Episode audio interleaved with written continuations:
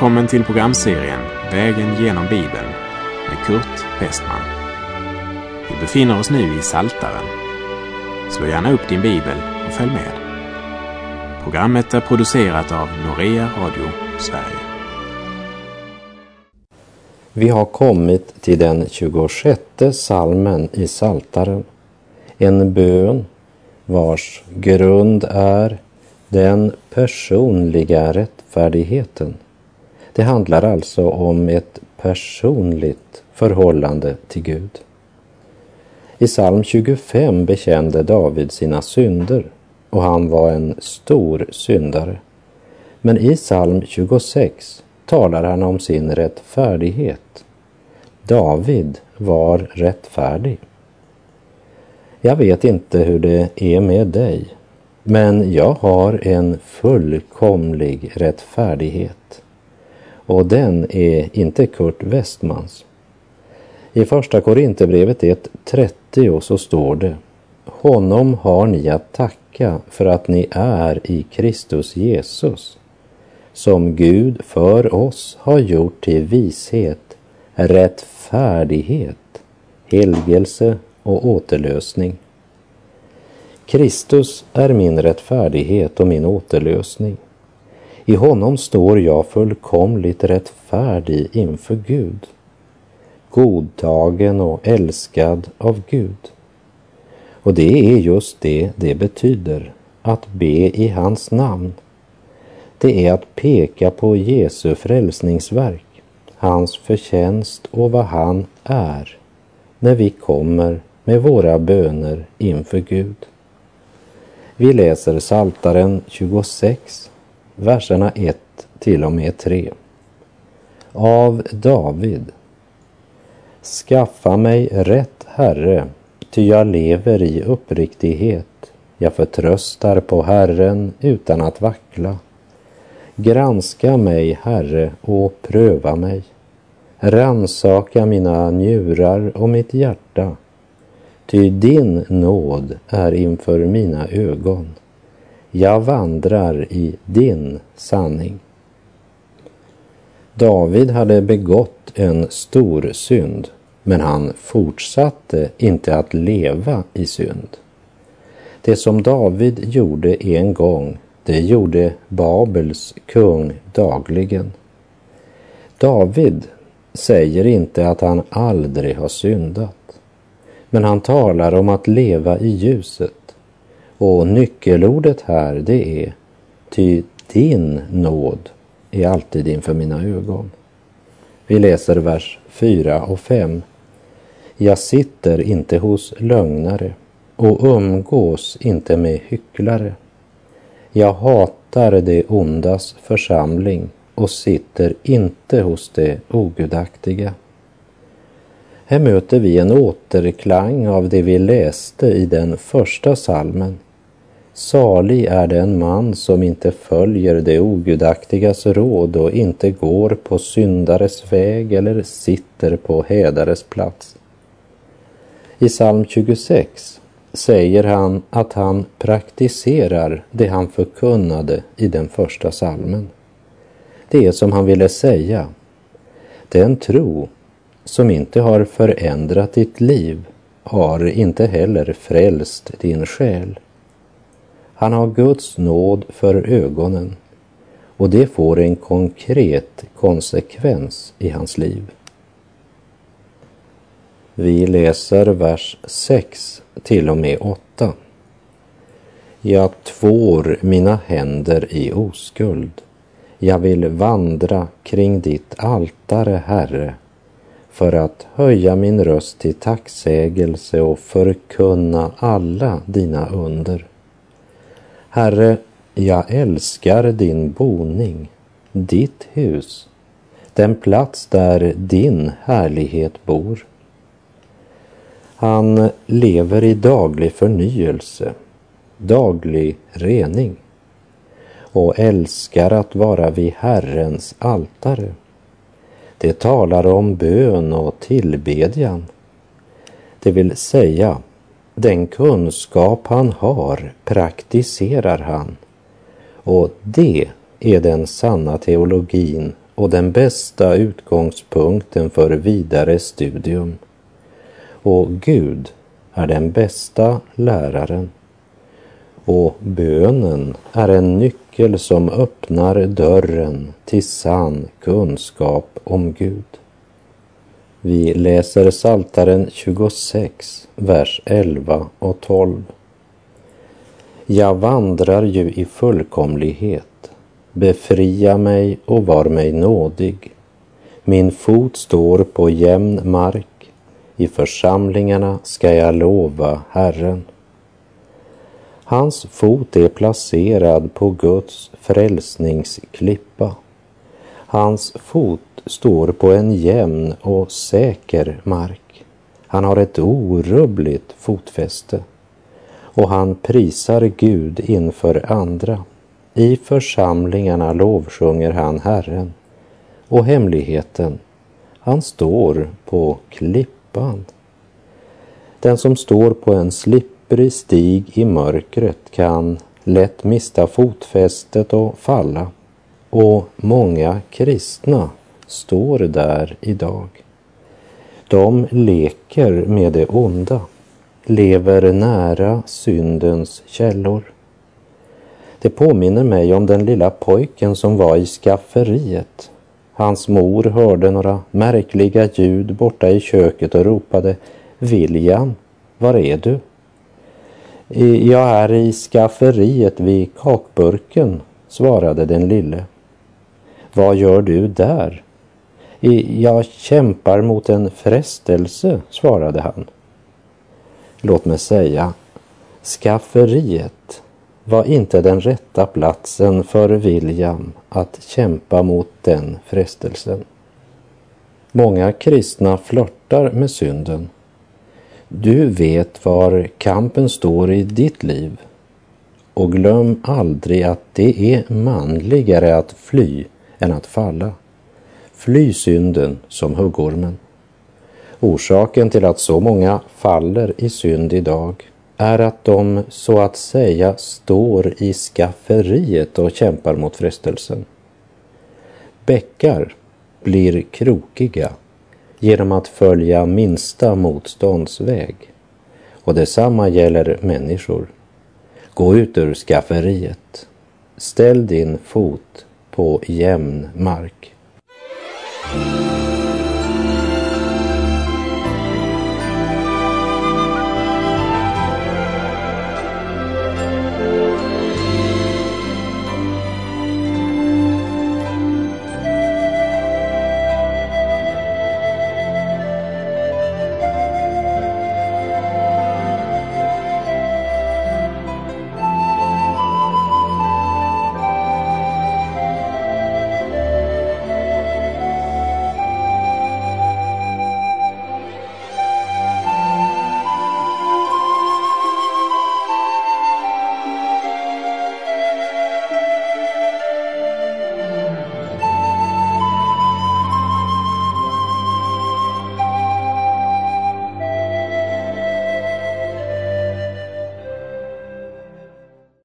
När vi nu kommer till den 27 salmen vars andliga djup är full av nyttig lärdom för dig och mig, så tror jag att redan när vi börjar läsa den första versen kommer du att märka den gudomliga omsorgens värme och ljus. De sex första verserna talar om Guds omsorg genom vilken han ger sina barn mod, tröst och framtidshopp. Resten av salmen är en bön om Guds hjälp och att Gud må upprätthålla honom. Och salmen kan läsas från tre perspektiv. Dels sett från Davids liv och situation. Dels så som en församlingens psalm och dels som Jesu Kristi, vår frälsares psalm. Vi läser Saltaren 27, vers 1. Av David. Herren är mitt ljus och min frälsning, för vem skulle jag frukta? Herren är mitt försvar, för vem skulle jag vara rädd? Också den här salmen är mycket personlig. Det är han och jag. Herren är mitt ljus och min frälsning. Det är personligt. I Saltaren 119, vers 105 står det. Ditt ord är mina fötters lykta och ett ljus på min stig. Och i Johannes 8.12 säger Jesus, jag är världens ljus. Den som följer mig ska inte vandra i mörkret utan ha livets ljus. Herren är min frälsning, talar om Guds kärlek och om den frälsning han i sin visdom har berett för förlorade syndare. Och den frälsningen sker endast genom Jesus. Och i Apostlagärningarna 4.12 står det, hos ingen annan finns frälsningen och ingenstans bland människor under himmelen finns något annat namn som kan rädda oss. Eller som David uttrycker det i Saltaren 27.1. Herren är mitt ljus och min frälsning. Cromwell har sagt att om du fruktar Gud så behöver du inte frukta någon annan. Och Martin Luther sa, en man plus Gud är lika med majoritet. Vi läser Saltaren 27, vers 2. När det onda drar emot mig och vill uppsluka mig, då ska mina motståndare och fiender själva stappla och falla. Det som eh, David här skriver är inte teorier eller gissningar. Han tänker tillbaka på de erfarenheter han själv har gjort under tidigare prövningar och svårigheter.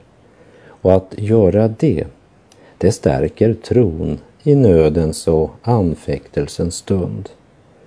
Vi läser vers 3.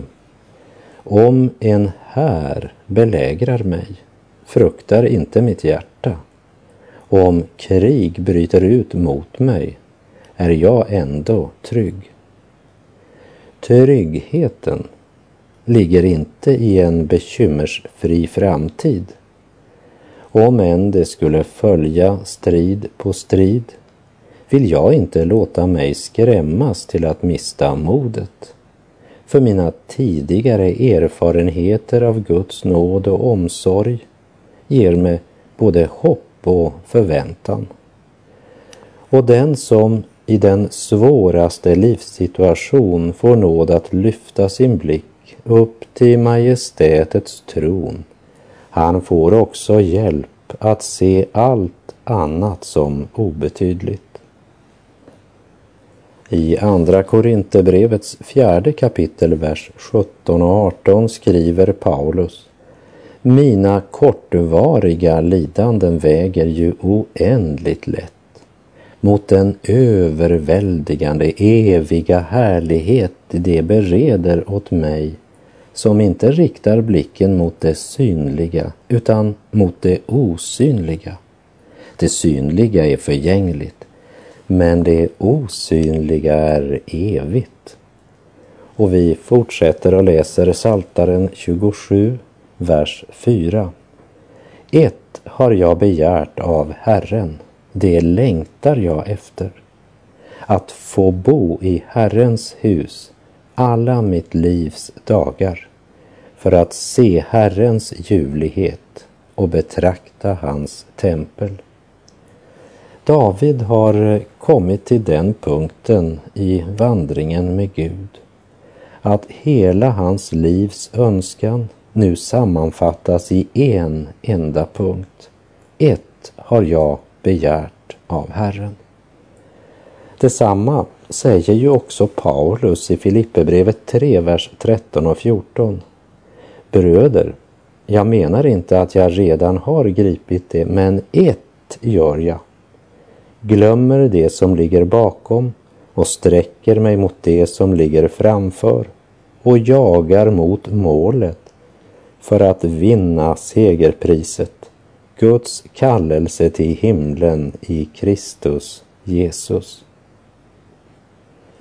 Kära vän, skala av allt som kan skymma det viktigaste och samla ditt hjärtas längtan i ett fokus. Ju mera splittrade dina önskningar och drömmar är, desto mera frustrerad, försvagad och deprimerad kommer du att bli. Låt Guds helige Ande tända ditt hjärta för en enda passion. Ja, låt honom lyfta din blick och din längtan mot himlen. William Barclay sa, det är bara en väg som leder till frid i ditt hjärta, glädje i sinne och skönhet i livet. Och det är att godta och göra Guds vilja. Och Modi sa att han ville hellre tillbringa fem minuter vid Kristi fötter än att lyssna hela livet till alla världens visa män. Koncentrera, fokusera, skala bort det oväsentliga.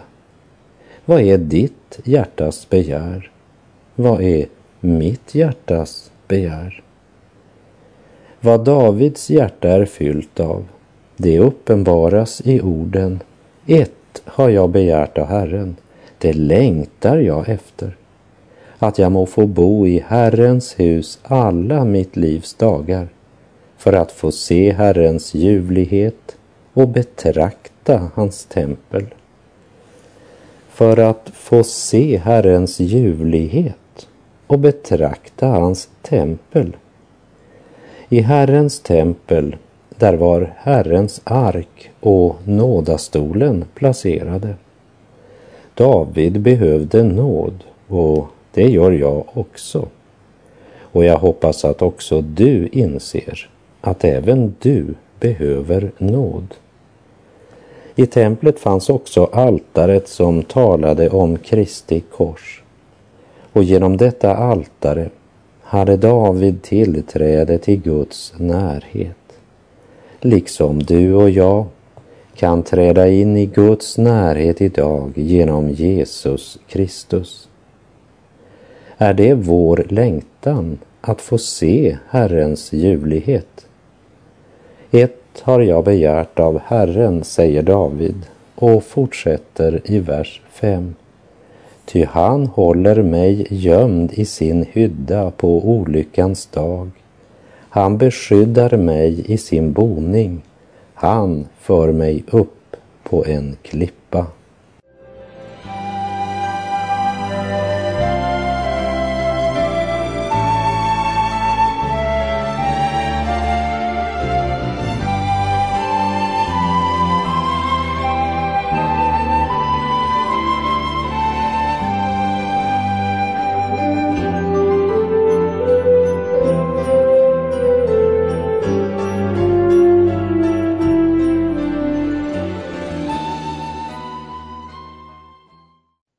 Vi läser Saltaren 27, verserna 7 till och med 9.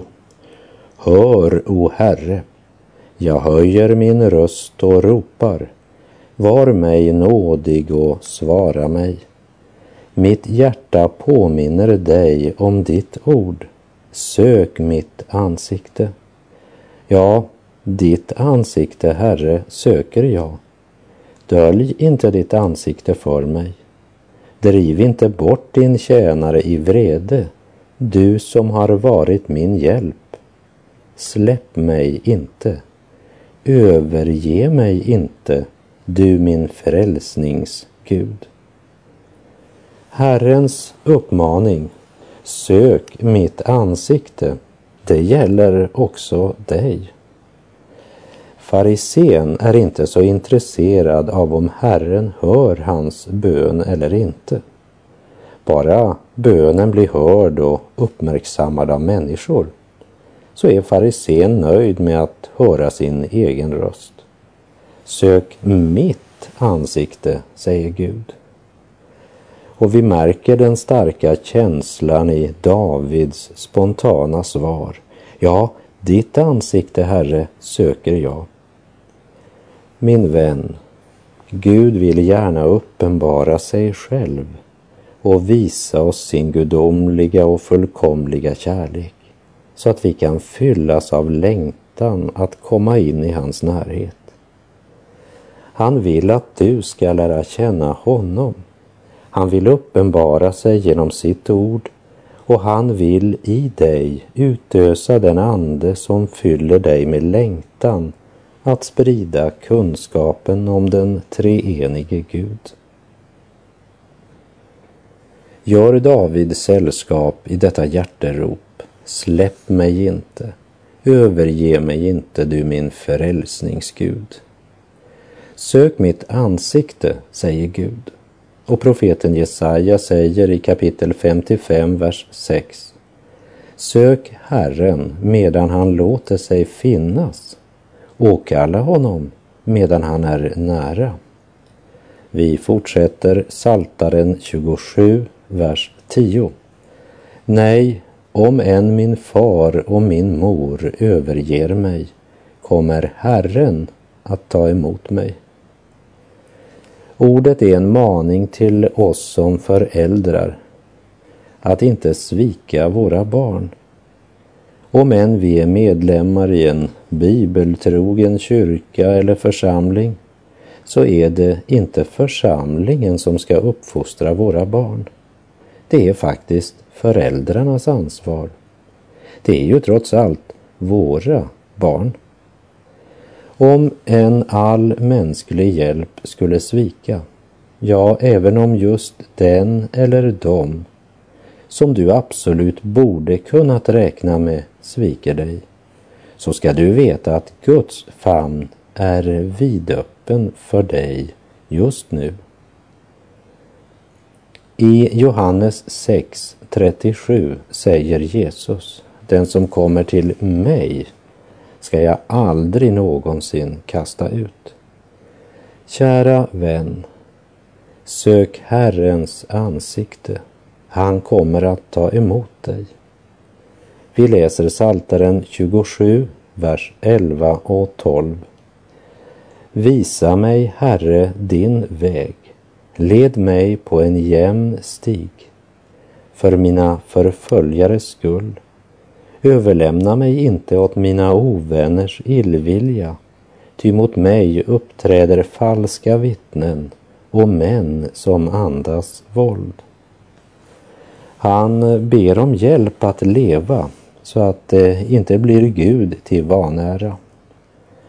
Han som prisar Gud genom så många sånger önskar att också hans liv ska vara till Guds ära och som ett Herrens vittne så är det min bön att jag aldrig ska bli beroende av en församlingsledare eller styrelse utan vara beroende av Gud så att jag inte låter mig styras varken av tidens alla vindar eller av människors meningar.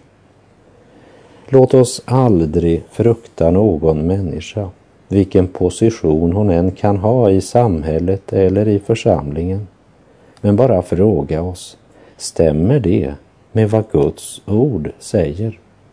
Herre, visa oss din väg. Och därmed har vi kommit till de två sista verserna i Saltaren 27, nämligen vers 13 och 14. Jag är viss om att få se Herrens goda i det levandes land. Vänta på Herren. Var stark och frimodig i ditt hjärta. Ja, vänta på Herren. Jag är viss, säger David. I Första Thessalonikerbrevet 1.5 står det Vårt evangelium kom till er inte bara i ord utan i kraft och den helige Ande och gav full visshet. Och i Hebreerbrevet 6, vers 11 står det Men vi önskar att var och en av er ska visa samma iver att bevara full visshet i hoppet ända till slutet. Och Hebreerbrevet 11.1. Tron är en övertygelse om det man hoppas, en visshet om det man inte ser. Jag är viss, säger David. Kristendomen börjar där religionerna slutar, vid uppståndelsen. Det handlar om ett levande hopp. Det handlar om den helige Ande som utgjuts i den troendes hjärta. Barnaskapets ande i vilken vi ropar Abba, Fader. Inte bara ord, utan i kraft, helig ande och full visshet. Jag är viss, säger David. Vänta på Herren, var stark och frimodig.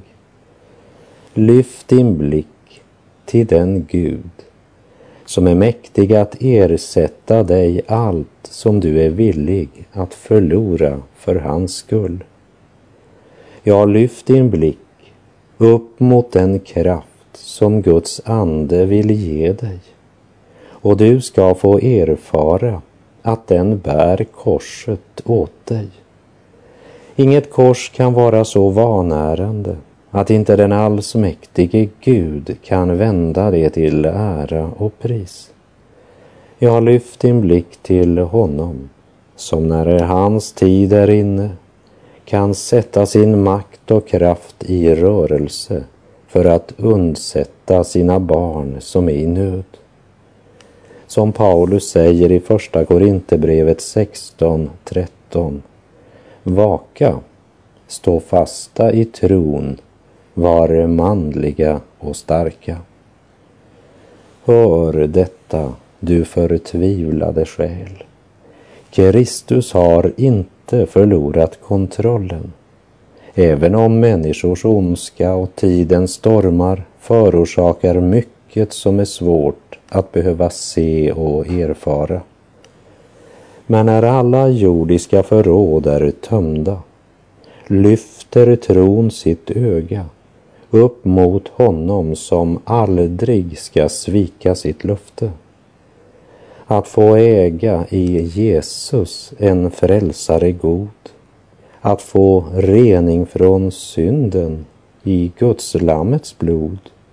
Att få tro Herrens ord. Vara gäst vid hans bord. Det är nåd. Ja, underbar nåd. Och med det så är vår tid ute för den här gången. Och jag säger på återhörande om du vill. Herren vare med dig. Lyft din blick över jordens grus och upp till honom om vilken David säger Vänta på Herren. Var stark och frimodig i ditt hjärta. Ja, vänta på Herren. Gud är god.